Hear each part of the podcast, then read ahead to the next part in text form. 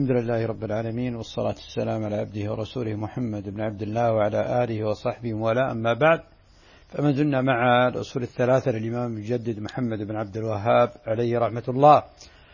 وقال اعلم رحمك الله أنه يجب على كل مسلم ومسلمة تعلم ثلاث هذه المسائل والعمل بهن.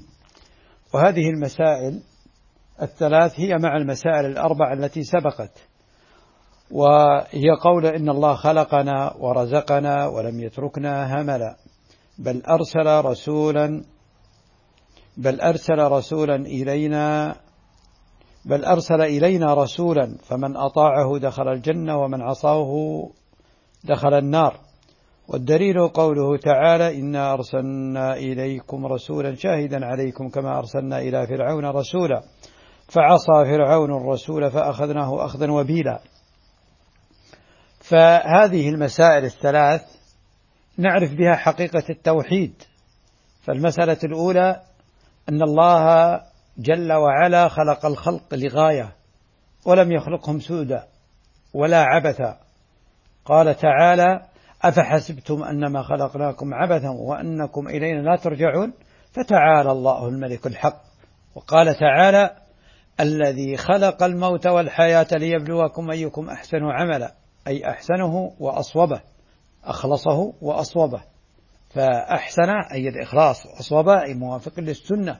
سنة النبي صلى الله عليه وسلم.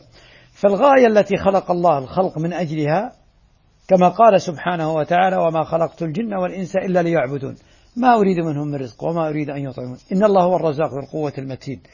فالغاية هي الابتلاء والاختبار في عبادة الله. هل يعبد وحده لا شريك له أم يتخذ من دونه من دونه آلهة؟ وهذه مسألة عظيمة. والإنسان خلق بلا شك لهذه الغاية لكن يحتاج إلى من يرشده إلى هذه الغاية ويبصر بها ويعلمه القصد الذي خلق من أجله. فكيف يصل إلى عبادة ربه؟ على الوجه الذي يرضى الله عز وجل. فبعث الله عز وجل رسله مبشرين ومنذرين ليدلون الخلق على خالقهم.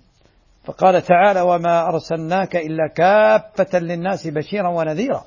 وقال تعالى وإن من أمة إلا خلا فيها نذير. وقال تعالى ولقد بعثنا في كل أمة رسولا أن اعبدوا الله واجتنبوا الطاغوت. فبعث الله عز وجل الرسل مبشرين ومنذرين وألا يكون للخلق حجة على الله. فقال الله عز وجل وما كنا معذبين حتى نبعث رسولا. فالله عز وجل خلق الخلق لهذه الغاية العظيمة.